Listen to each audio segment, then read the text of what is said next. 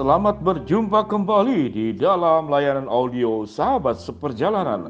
Hari ini adalah hari Kamis 28 Januari 2021. Tema renungan dan saat teduh kita dengan tema Air matamu dimengertinya, air matamu dimengertinya. Firman Tuhan terambil di dalam dua Raja-Raja pasal yang ke-20 ayat yang kelima demikian bunyi firman Tuhan.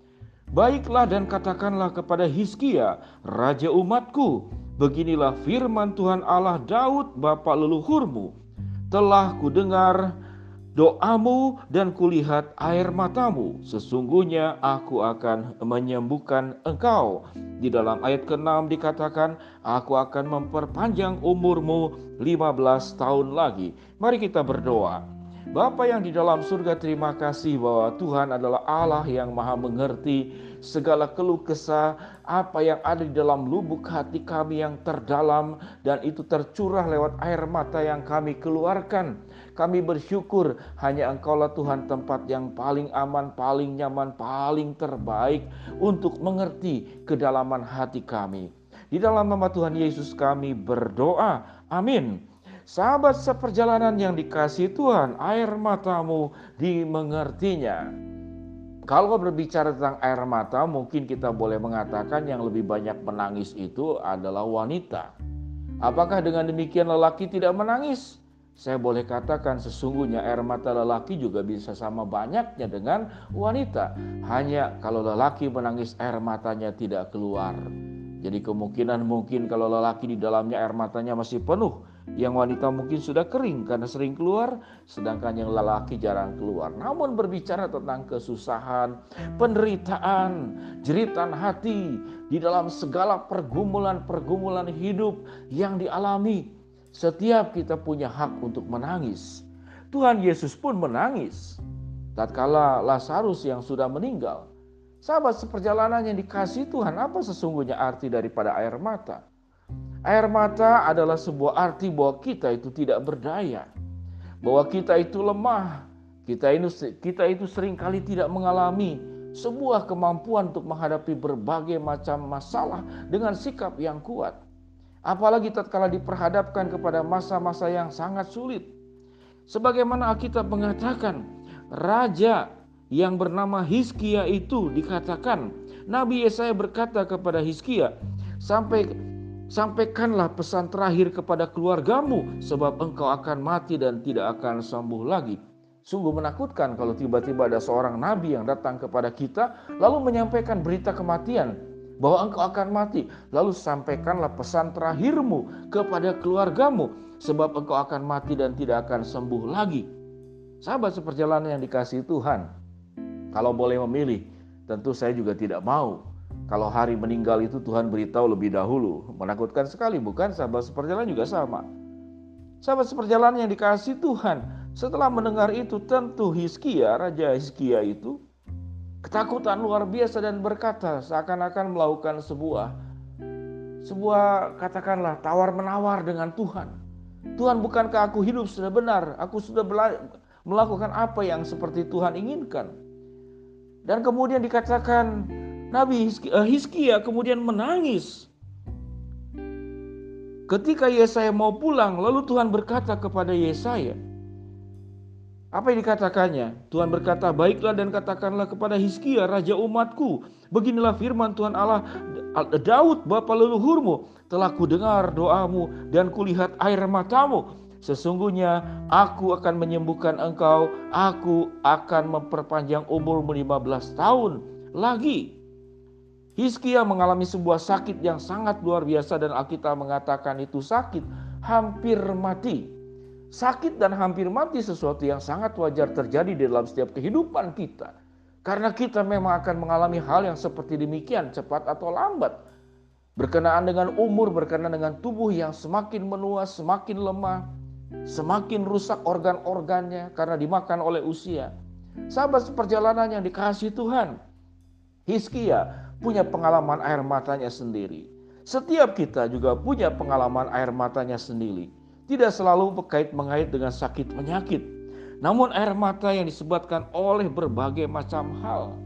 mungkin anak yang menyakiti kita, orang tua yang tidak yang tidak adil, Bos yang menekan, saya bertemu dengan dua sahabat seperjalanan yang kontak di WhatsApp saya berbicara tentang bos yang menekan, bos yang tidak bijaksana, bos yang tidak adil.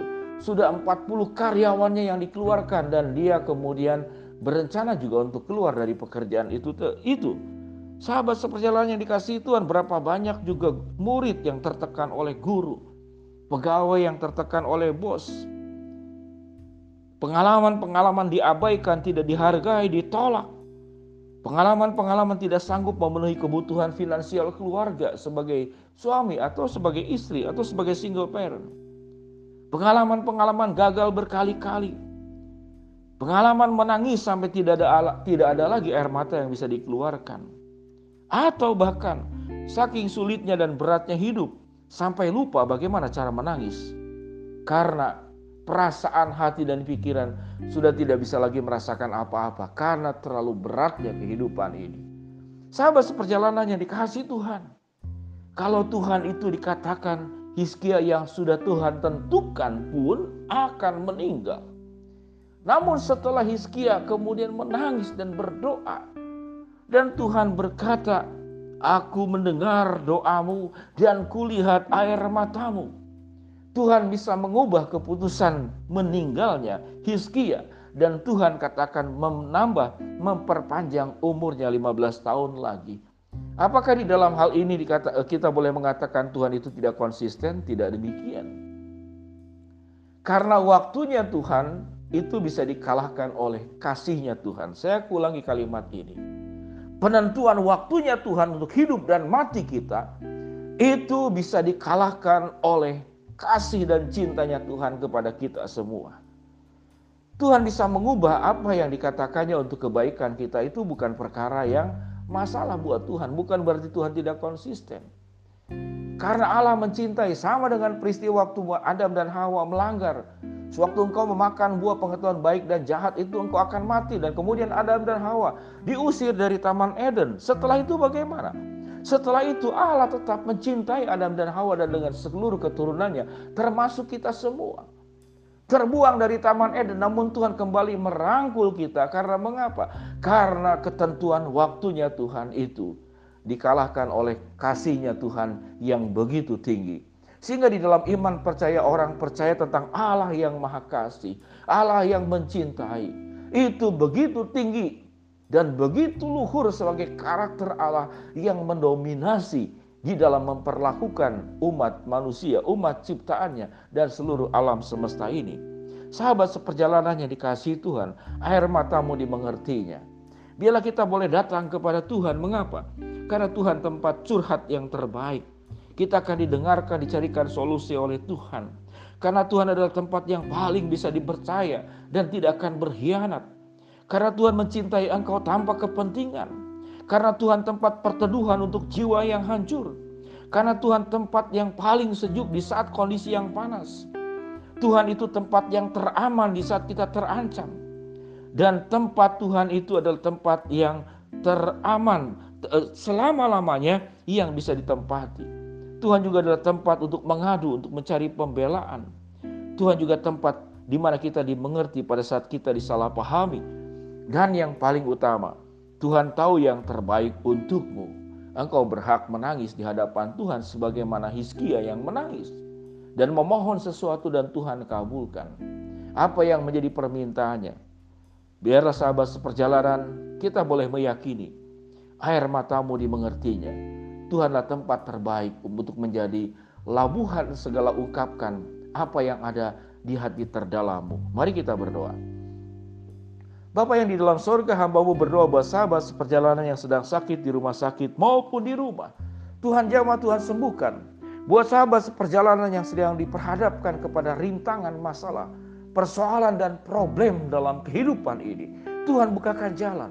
Buat sahabat seperjalanan yang sedang memohon berharap sesuatu dengan linangan air mata yang kami keluarkan.